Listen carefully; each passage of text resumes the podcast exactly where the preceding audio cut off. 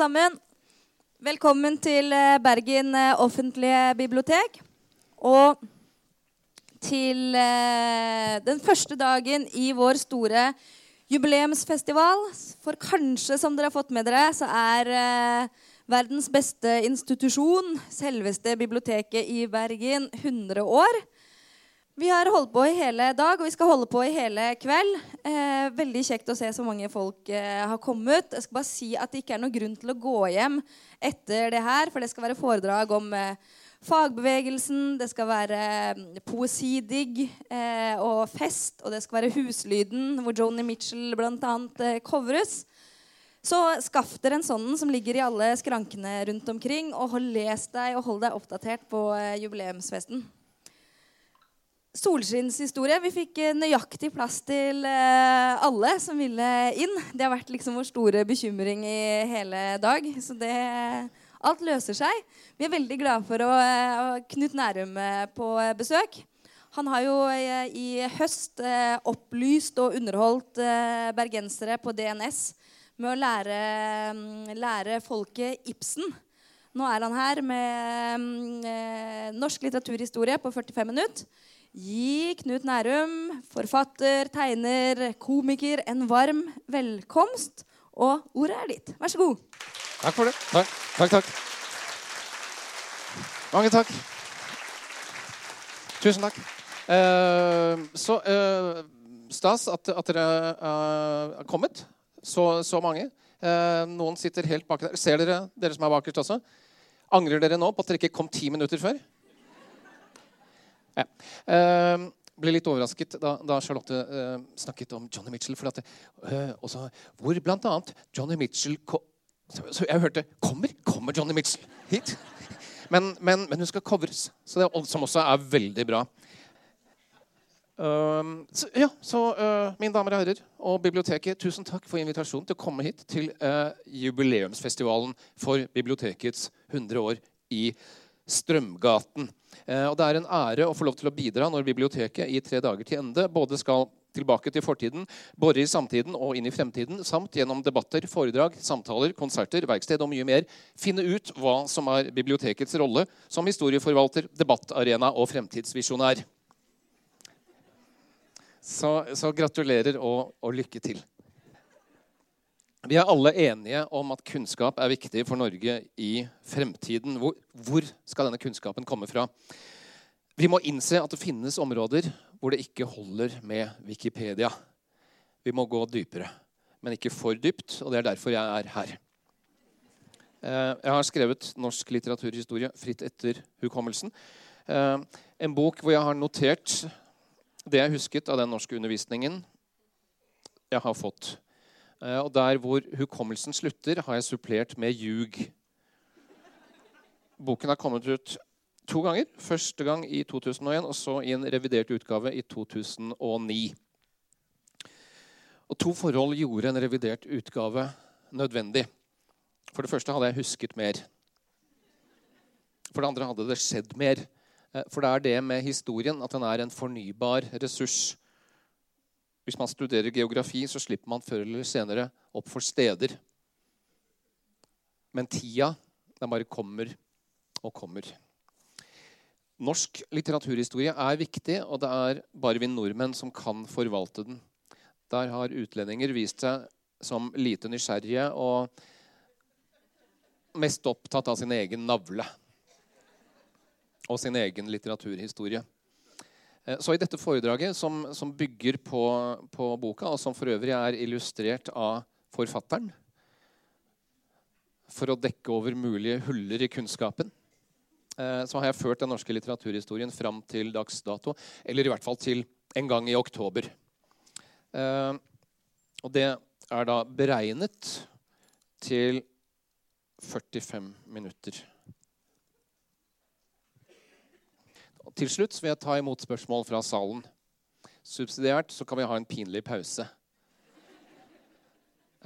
Der kan vi egentlig velge det som vi er mest komfortable med. Ja. De første menneskene kom til Norge omtrent 12 000 år før Kristus. Denne påstanden blir tatt for god fisk av de fleste historikere.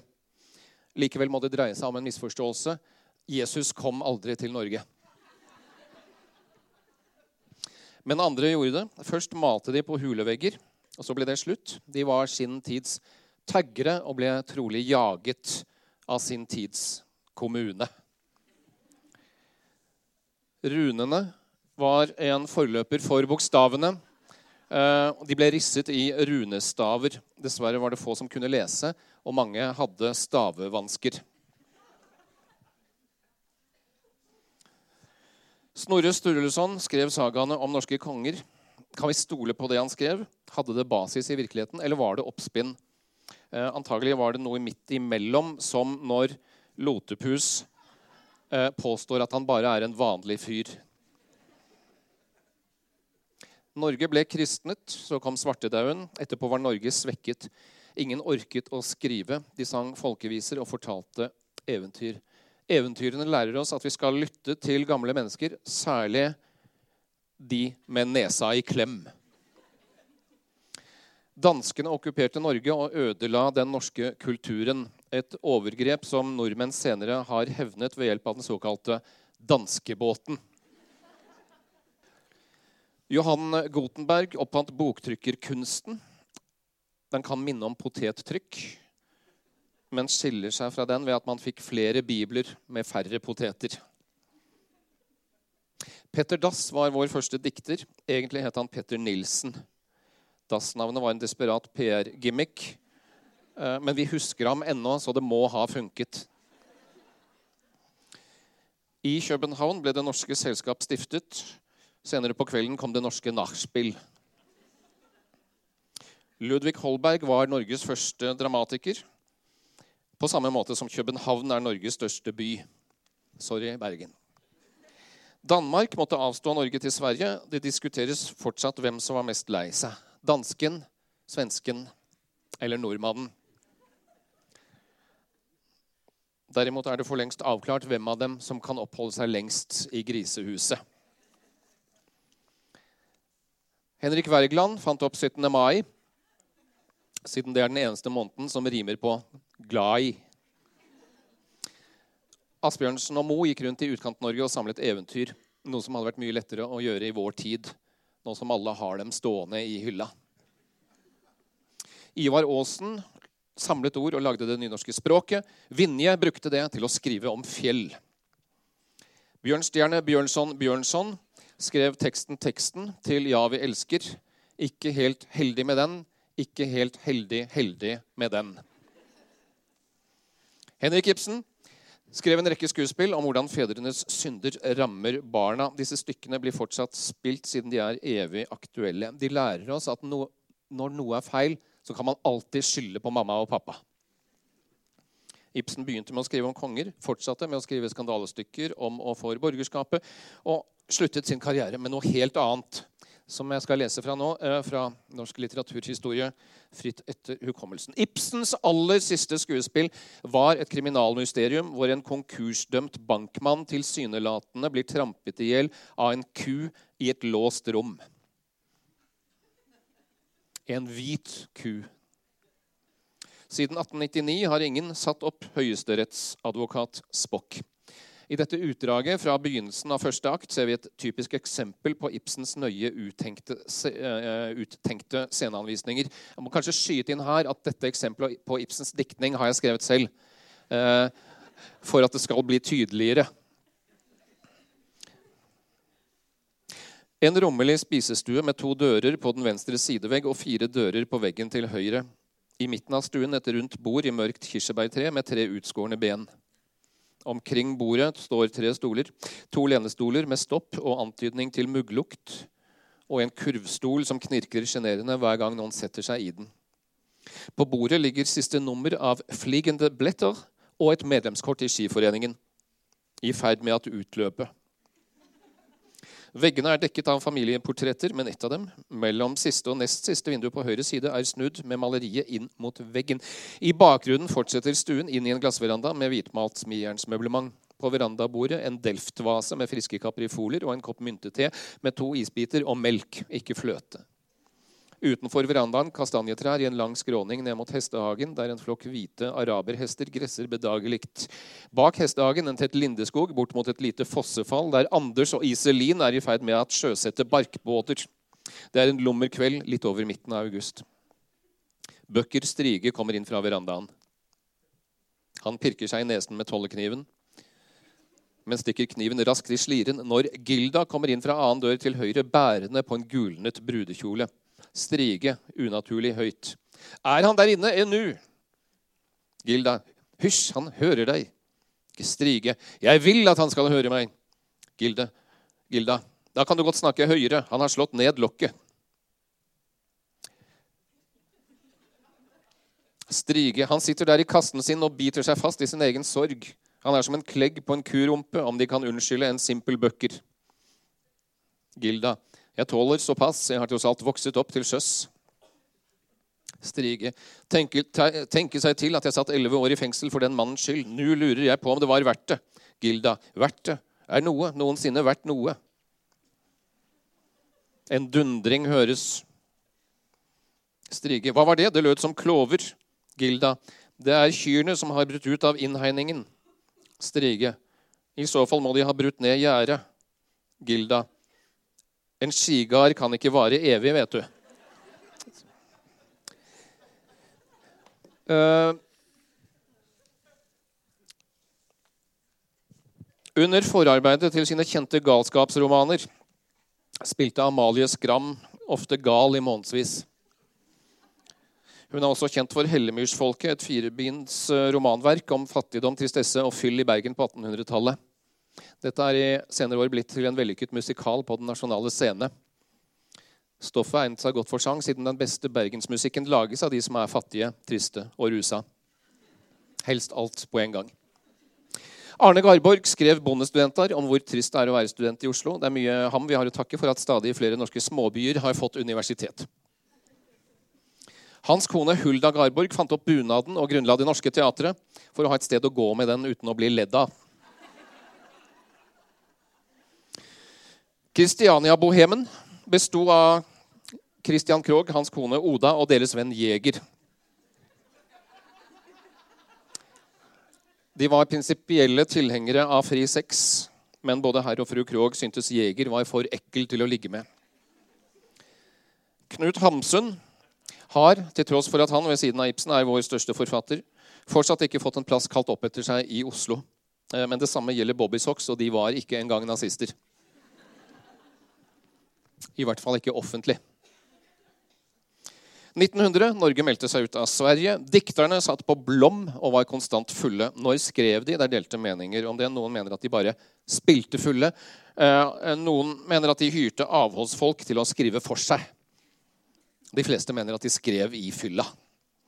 Sigrid Undset er den foreløpig siste norske forfatter som har fått Nobels litteraturpris. Hennes Kristin Lavransdatter står i en særstilling for norske lesere. Trebindsverket sier noe sentralt om det å være norsk gjennom sin fokusering på lidelse, venting og lange fotturer på fjellet. På mange måter kan man si at Undset var en forløper for Lars Monsen. På 30-tallet kjempet kulturradikalerne for retten til å rakke ned på kristendommen og bade naken på Tjøme. Stalin og Hitler kom til makten. Arnulf Øverland var mest sint på Gud. Eh, jeg skal lese et kristendomskritisk dikt av Arnulf Øverland. Eh, og for at det skal bli mest mulig tydelig, så har jeg skrevet det selv.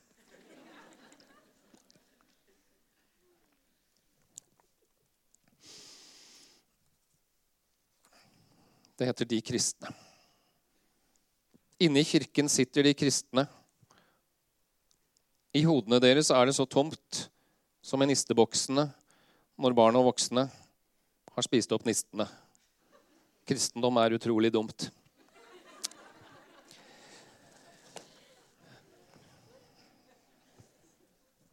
Norge vant andre verdenskrig siden vi hadde rett. Vi hadde Max Manus, flest binders og en konge som sa nei. På dansk, men likevel nei betyr nei. På 50-tallet vedtok modernistene at dikt ikke trenger å ha enderim. Modernistisk lyrikk går ut på at dikteren skriver om noe annet enn det han ønsker å fortelle om, og så skal vi gjette hva det er.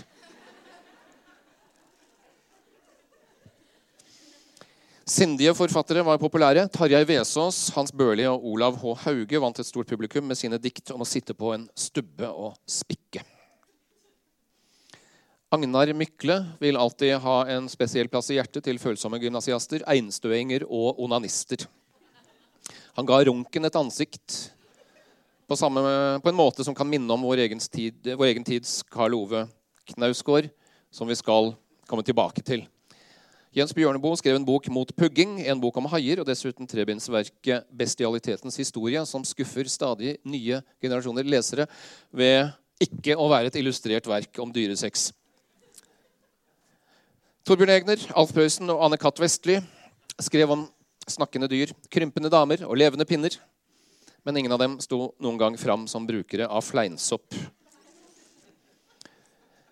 AKP-forfatterne mente at en ikke skulle ta avstand fra ettpartistaten før en hadde prøvd den. Tross alt hører vi aldri kineserne klage. Og når de klager, later vi som ingenting. Jan Erik Vold skrev dikt om loff og skøyteløp. Siden har Vold markert seg som en svoren tilhenger av at Oslo skal bevares, slik byen ikke har vært på de siste 50 år. Herbjørg Wassmo skrev 'Huset med den blinde glassveranda'. Hun var ikke like heldig med oppfølgeren 'Huset med den døve baldakiden'. På 80-tallet ble mye litteratur spredd gjennom bokklubbsystemet. Folk sa mye rart om bokklubbøkene. Det vanligste å si var 'Jøss, jeg trodde vi hadde avbestilt denne'.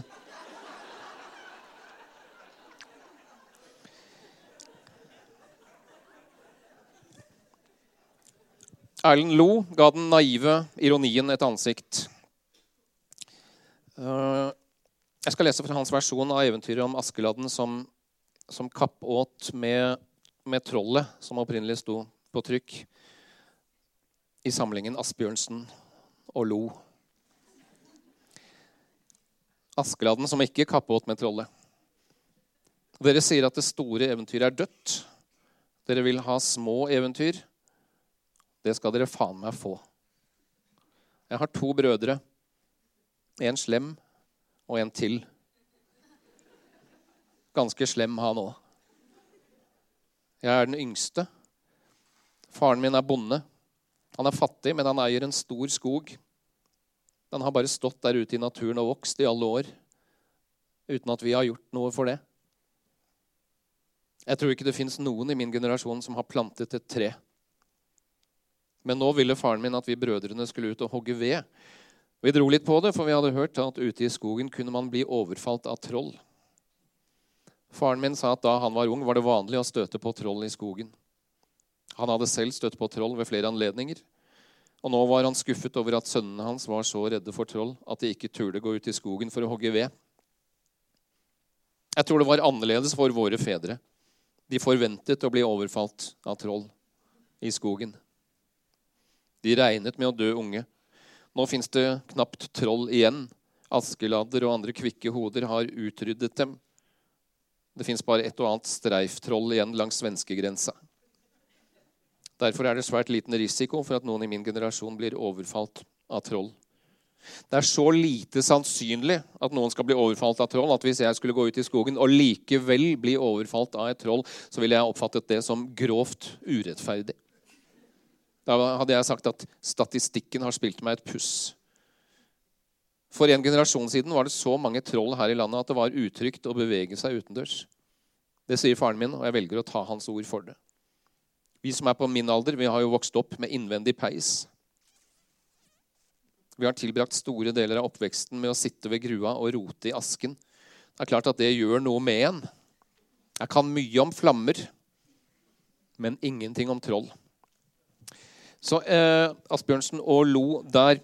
Jon Fosse ga monotonien et ansikt. Det var monotonien Jon Fosse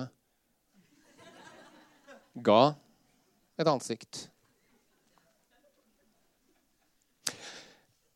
Et ansikt var det Jon Fosse ga monotonien. Dag Solstad er Norges mest seriøse forfatter. Det er fordi han skriver den samme boka hver gang. Det må være noe han forsøker å fortelle oss. Ari Behn er en av Norges mest kjente forfattere. Han er til gjengjeld ikke mest kjent for å skrive. Ari Behn eh, var i første halvdel av 2000-tallet Norges mest parodierte person. Han ble på mange måter det samme for 2000-tallet som Ingrid Espelid hadde vært for 1970-tallet. Begge ble parodiert, begge ga ut bøker, begge hadde juksa litt. 2000-tallet åpnet til manges overraskelse med at alle datamaskiner i verden samtidig fortsatte å virke, og at ingen fly datt ned. Men frykten som mange hadde hatt før nyttårsaften 1999, viste hvor stor del av livet teknologien har blitt for oss alle, unntatt Dag Solstad. På mange måter kan man si at digital teknologi for oss er det samme som julet var for våre besteforeldre. Bortsett fra at vi også har jul. Ellers ville det vært vanskelig å sykle. Litteraturen har også blitt preget av ny teknologi, både når det gjelder innhold og hvordan litteraturen blir formidlet. Rundt årtusenskiftet spådde mange at man snart ville få kjøpt digitale bøker som man kunne putte i lomma. Når gjennombruddet har latt vente på seg, kan det skyldes at det allerede finnes en slags bok man kan putte i lomma, eh, nemlig den såkalte pocketboka. Norske forlag har også flere ganger forsøkt å lansere en elektronisk bok som bare kan leses på en skjerm som er for stor til å putte i en lomme. Den såkalte e-boka. Interessen har vært laber, trolig fordi de fleste forveksler e-boka med ebola. En sykdom som forårsaker blødning fra alle kroppsåpninger. Og det er det nesten ingen som ønsker seg. Nedlastbare formater er fortsatt under utprøving. Det gjenstår å se om norske lesere vil betale for en bok de ikke kan holde i hånden.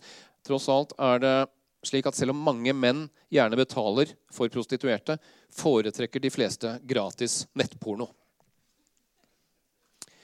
Vi forholder oss i stadig større grad til korte tekstbrokker på nett og mobil. Nå kan man ved hjelp av et par kjappe tastetrykk fortelle alle man kjenner, at man har tatt seg en dusj.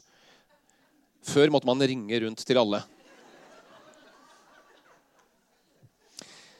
Det blir spådd at framtidas litteratur kommer til å bli preget av nye medier, men foreløpig har norske forfattere møtt denne utfordringen ved å skrive på papir og lengre og lengre.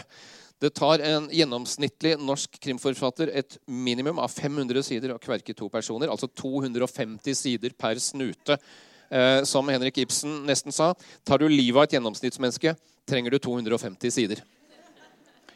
Informasjonsteknologien binder verden tettere sammen. Teknologien Mediene, handelen, anerkjenner ingen barrierer. De eneste som, eh, som støter på landegrenser i vår tid, er flyktninger.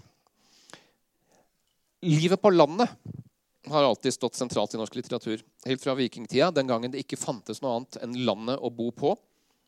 Eh, og fram til vår egen tid har forfattere skildret livet på bygda. Hamsun tusket til seg en nobelpris for en sånn bok, og da skulle det bare mangle at ikke flere forsøkte seg. Utkantromanen forteller om mennesker som holder til i utkanten med frisk luft, lave boutgifter og masser av ledig parkering, men like forbanna er misfornøyd. Det som kjennetegner livet i distriktene, slik disse bøkene viser det, det er øksedrap, selvmord og alkoholisme. Eh, og ved å lese disse bøkene lærer lesere i tettbygde strøk hvor heldige de er. Lars Saabye Christensens omfangsrike halvbroren beskriver en familie gjennom tre generasjoner på Oslos vestkant. Først og fremst sett gjennom øynene til tittelpersonen, den kortvokste Arnardo Nilsen.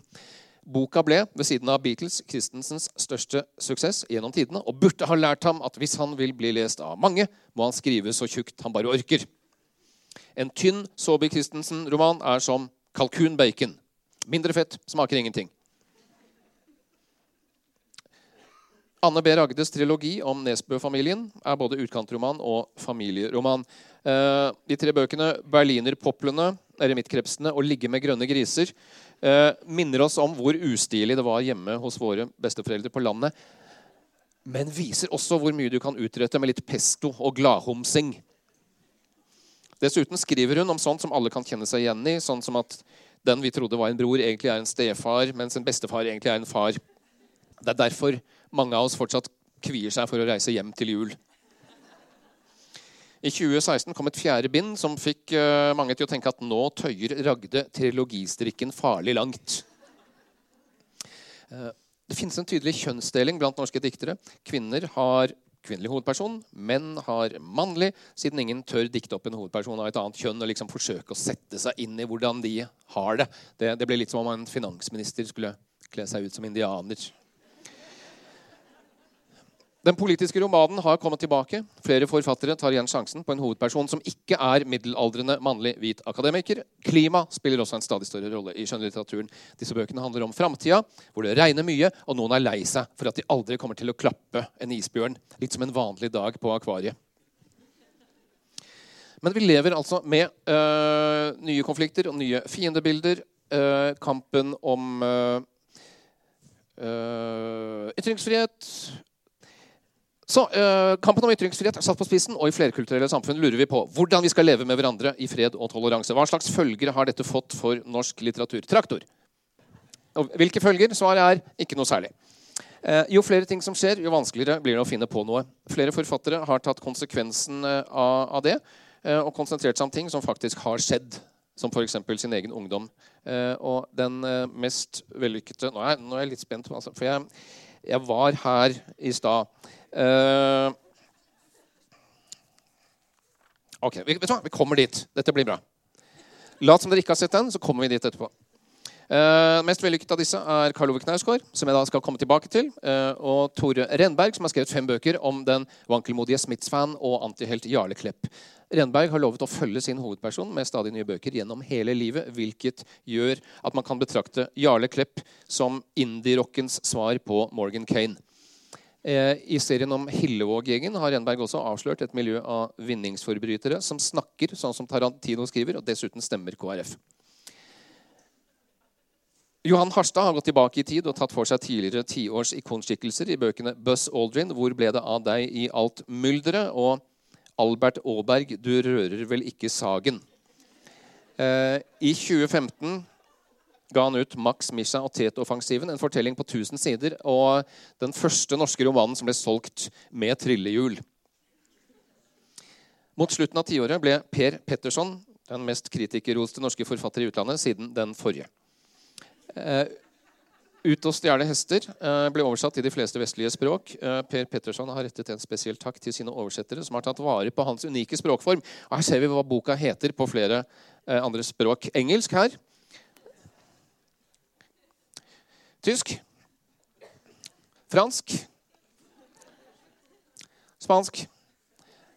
Uh, og, og, gresk. Ta mitt ord for det. Uh, ok. La oss si at vi går inn igjen der om en stund.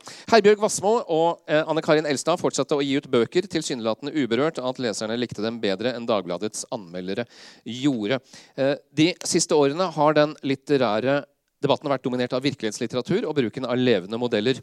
Den største norske skjønnlitterære prosjektet etter år 2000 er den tidligere nevnte Karl Ove Knausgårds romanserie Min kamp.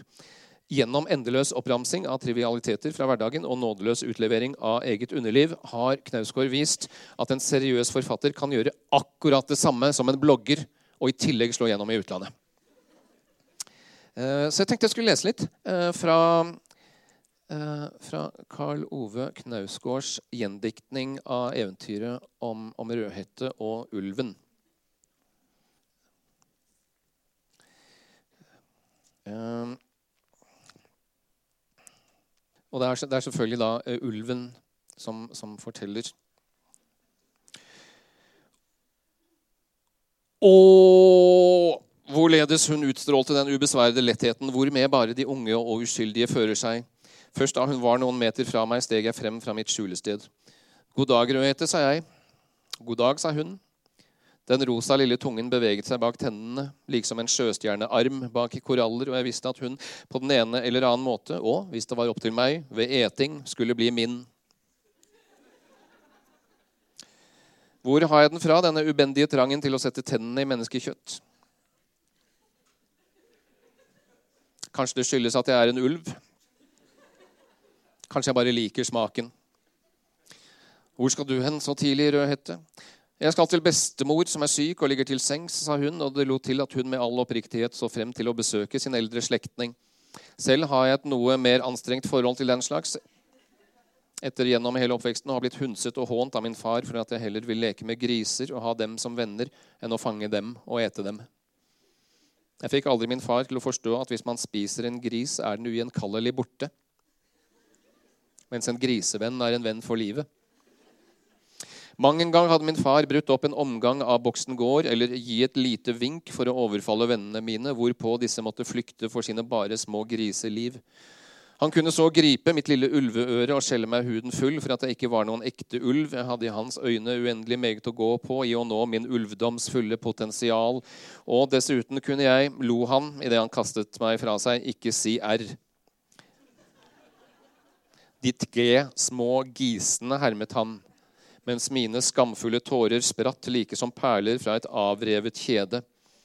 Og dette var altså min far, mannen fra hvis lender den sæd hadde skutt ut, hvorav en enkelt celle hadde penetrert og befruktet min mors ovum, og derved startet en prosess som hittil har ført frem til den ulv jeg i dag må innrømme å ha blitt. Flaut, flaut, flaut.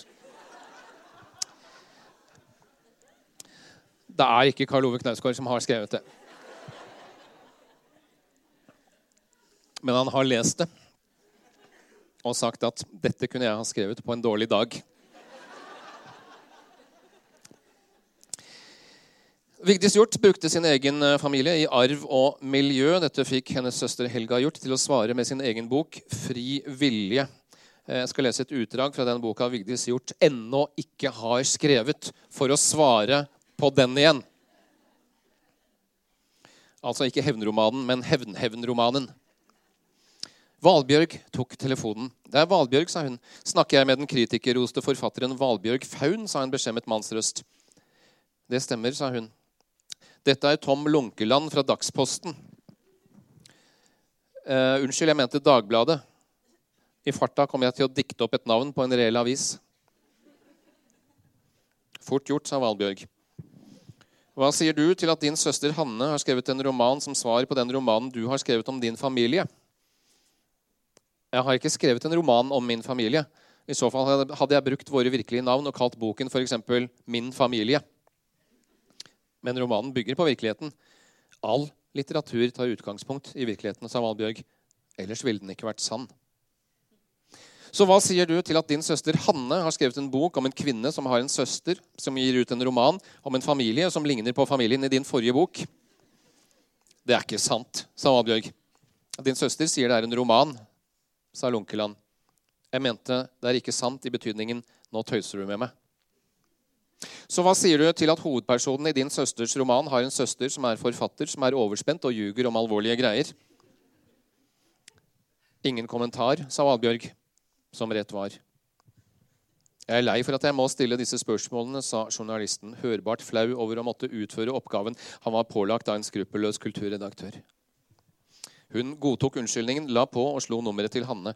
'Hva er det du driver med?' spurte Valbjørg da søsteren omsider tok telefonen. 'Jeg koser meg på terrassen på hytta, som vi klarte å tuske til oss, sånn at du ikke fikk din rettmessige del', sa Hanne. 'Det er så fint her i sola at jeg ikke hørte telefonen med det samme.'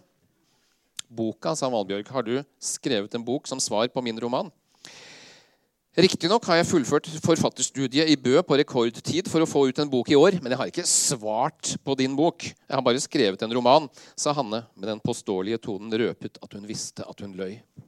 En roman som for øvrig topper bestselgerlistene. Det vil ikke si at du har rett.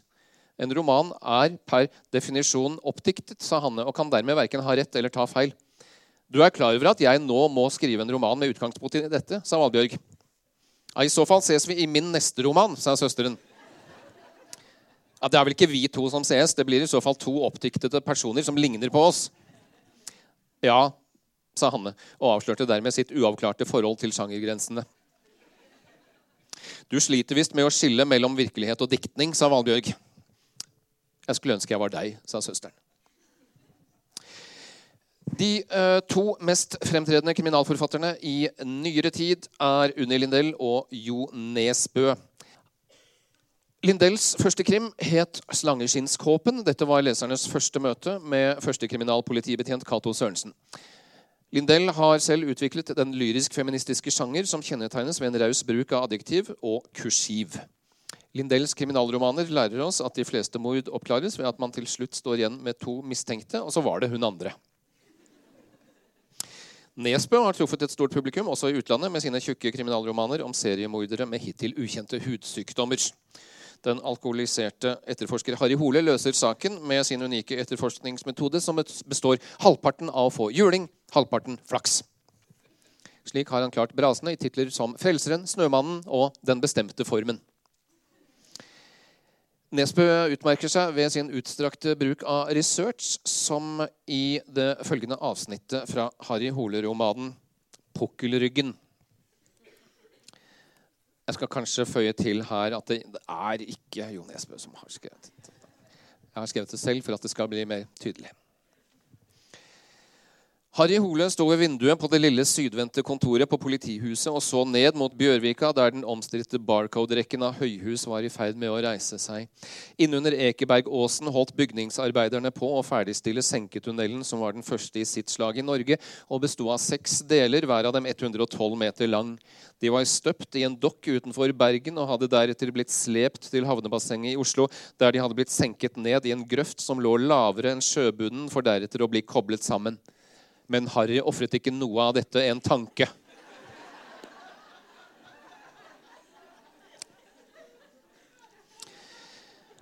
Nesbø fortsetter å være vår mest populære krimforfatter til tross for filmatiseringen av 'Snømannen'.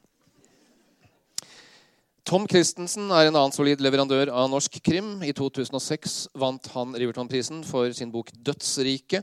Tom Christensen må ikke forveksles med forfatteren Tom Christensen, som er dansk, og skrev den klassiske drankerromanen 'Hærverk'. Handlingen i Christensen, eh, 'Dragen', er lagt til Afrika. Dermed er det også lett å forveksle Christensen med NRKs tidligere Afrika-korrespondent Tom Christiansen Harare. Eh, stadig flere norske forfattere skriver krim. og Hvis denne utviklingen fortsetter i samme tempo, vil Dag Solstad før utgangen av år 2020 være den eneste norske forfatteren som ikke skriver krim med mindre han kommer til at mord er en nødvendig siste utvei for aldrende filologer som lurer på om de har brukt livet sitt riktig. Mange ventet på den store norske innvandrerromanen, men de fleste av dem som ventet, var ikke innvandrere. De fleste av dem som ventet på den store norske innvandrerromanen, var hvite og bokinteresserte mennesker som ville vite hvordan det er å være innvandrer, men som ikke kjente noen de kunne spørre. Derimot står det utmerket til med samisk litteratur. I hvert fall ifølge samene, men vi har bare deres ord for det. Selv om ingen kjøper dem og avisene aldri skriver om dem, kommer det fortsatt ut nye barnebøker. De fleste av dem er enten skrevet av Tove Jansson og Astrid Lindgren for mer enn 50 år siden, eller av Det så bra ut hjemme. Eh, eller av Jørn Lier Horst. Et unntak er Bjørn F. Rørvik og Gry Maursunds populære serie med bildebøker om bukkene Bruse, som lærer eh, barn at du er i fare både på skolen og i svømmehallen. I hvert fall hvis du er en geit. Eh, I den grad større barn leser bøker, handler disse mest om pingler, promp, snørr, bitcher og supertruser. Altså mye av det samme som mødrene deres leser om. Ifølge et utbredt rykte fikk en framstående norsk voksenforfatter med pengeproblemer en gang dette rådet av sin redaktør Kan du ikke bare lire av deg en barnebok? Ja, mange mennesker tror at, at, eh, at barnebøker er venstrehåndsarbeid, og det stemmer. Det mest påfallende er jo at noen i det hele tatt gidder å skrive for barn de som knapt kan lese. På begynnelsen av 2000-tallet kom det også fram at mange bøker handler om ting som har skjedd, og mennesker som virkelig fins den såkalte sakprosaen. Jeg snakker da ikke om Karl Ove Knausgård eller Vigdis Hjorth, siden deres bøker er romaner. Publikum kaster seg over biografier. I 2017 handler de mest populære biografiene om Anna, mamma til Michelle Rasmussen, og om Lotepus. Dette, dette utvider og styrker disse kjente personenes næringslivsimperier eh, og beviser at hvis du bare er flink nok til å være deg selv, så kan du leve av det. I en periode kom norske biografier med overraskende nazipåstander om kjente nordmenn. Rolf Jacobsen skal ha vært nazist. Olaf Duun skal angivelig ha vært nazist. Eh, men som vi skal tro, Hans Fredrik Dahl var ikke Vidkun Quisling så veldig nazist. Kanskje litt.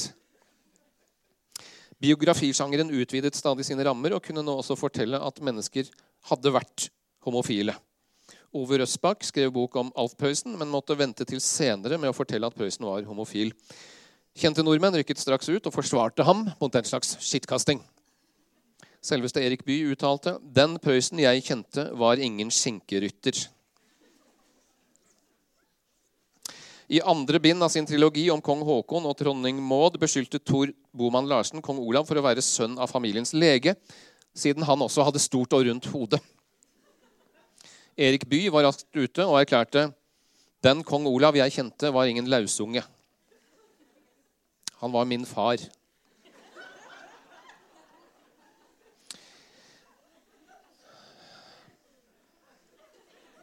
I 2016 fikk trilogien sitt foreløpig sjuende bind og utgjør dermed strengt tatt en heptalogi.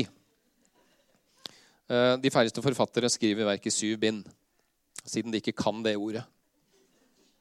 Halvparten av all sakprosa er kokebøker. Vannskillet kom i 2008, da det for første gang fantes flere bøker om suppe enn det fins supper. Den andre halvparten handler om fordøyelse. Her kan nevnes titler som 'Sjarmen med tarmen', 'Litt om dritt', 'Produsenten av ekskrementene', 'Avsløringen av avføringen' og ikke minst den omstridte kontroversen om bæsjen. Uh, mye handler selvfølgelig også om uh, glutenfri diett. Uh, sakprosa. Sterk tendens nå er glutenfrie kokebøker. Heldigvis er bokbransjen i stand til å lage bøker som ikke inneholder gluten. Så, så hvor går litteraturen? Det er ikke uh, bok alt som leses. Det meste av lesestoffet finner vi andre steder, på mobil og på nettbrett. Samtidig ønsker vi fortsatt den store romanopplevelsen, og vi vil ha den med en, med en trykksak i hendene. Uh, Jon Michelet har nådd et stort publikum uh, med sitt romanverk om krigsseilerne. Og her lar han oss kjenne på hvordan det var å være krigsseiler gjennom å skrive en romanserie som tar litt mer tid å lese enn krigen varte. Samtidig så lar han, som Jo Nesbø, ingen anledning gå fra seg til å bruke sin fiksjon til å formidle fakta. Jeg skal lese eh, et utdrag som viser denne informasjonsspekkede, faktarike stilen eh, som gjør at dette ikke bare er skjønnlitteratur, men det er også noe å lære av. Fra begynnelsen av Skogsmatrosen. Det er, ikke Jon Michelet som er egentlig. Gå for svarte faen ikke under hengende last, gutt.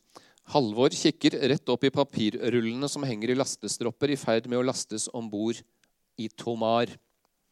Hjemme på Rena hadde han ofte sittet ved jernbaden og sett boggivognene skramle sørover med ruller fra kartongen som var grunnlagt på Karoa av Tollef Kilde i 1913. I 1916 hadde fabrikken begynt å produsere kartong, og siden 1932 hadde den også laget pappkasser. På det meste hadde 550 mann jobbet der. Bedriften drev sin virksomhet basert på tømmer fra regionen, mest furu og gran, særlig det siste. Skogeier Bertrand Didriksen var en av de største leverandørene av tømmer til papirproduksjon. Nå mønstret Halvor på som lettmatros og skulle være med på å bringe norsk papir ut i verden, der det skulle brukes til pakking eller byggevare eller bli til trykksaker. I løpet av halvannen sesong i Skauen for Didriksen hadde Halvor kanskje vært med på å produsere råvarer til aviser i Shanghai. Riktignok hadde misjonæren som besøkte middelskolen på Elverum, fortalt at bare hver femte kineser kunne lese, men på den annen side utgjorde det nå, den 8. november 1939, så mye som 100 millioner leselystne. Halvor hadde gransket globusen i klasserommet og sett at hvis man spadde et hull i bakken i Norge og gravde seg tvers gjennom jorda, havnet man ikke i Kina, som folk pleide å si. Man kom ut i havbunnen utenfor New Zealand. Fra Rena til Wellington var det 17 700 km i luftlinje. Til Shanghai bare 8600 Faren til Halvors klassekamerat Trygve jobbet på kartongen. Han hadde sagt at papiret på hver rull var 27 500 meter langt. Dermed trengte man 319 ruller for å dekke avstanden fra Arena til Wellington. Det var mye papir. Hvis folk målte avstand på den måten, måtte kartongen ha utlyst flere stillinger. Sjaueren roper igjen. Du må da for helvete se at hver enkelt rull er fire meter lang og har en diameter på 1,80. Det blir faen meg 8,4 kubikkmeter, og de veier 5, jævla 2 tonn stykket. Du vil ikke ha en sånn en i skallen? Ja, sant det, svarer Halvor. Hvis en av dem sliter seg og faller fra en høyde på 10 meter, vil den her i Oslo, hvor tyngdeakselerasjonen er på 9,819 meter i kvadratsekundet, treffe meg i skolten med en fart på 14 meter per sekund. Du kan din da Vinci-gutt, kommer det fra sjaueren. Ikke da Vinci, sier Halvor. Galilei.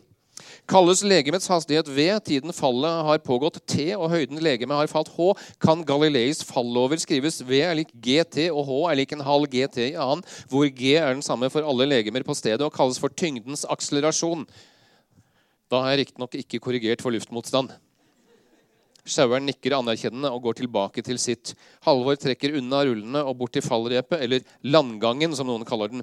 Han gleder seg til å gå om bord, men vil stå der og vente til det dukker opp flere og utveksle opplysninger med. Det kommer til å bli en lang og ikke minst informativ reise. Så eh, papirboka kommer til å holde stand. Den vil være med oss så lenge noen har noe å si, så lenge noen har noe uoppgjort. Det være seg søstre, utskjelte politikere eller andre maktpersoner. De kommer til å bruke boka som medium for å fortelle hvorfor de hadde rett likevel. Poenget er da ikke at noen leser boka, men at ordet 'bokbombe' står på forsiden av VG, og at forfatteren kommer på Skavlan. Bøker har noe varig ved seg. Avisene fra høsten 2016 er for lengst kastet, men mange har fortsatt en bok fra samme periode liggende uåpnet på nattbordet. Og når vi da spør hva skal vi leve av her i landet etter oljen, så er svaret innlysende. Vi skal leve av Jo Nesbø. Eh, da eh, vil det straks bli åpnet for spørsmål, men eh, foreløpig takk for meg. Takk for.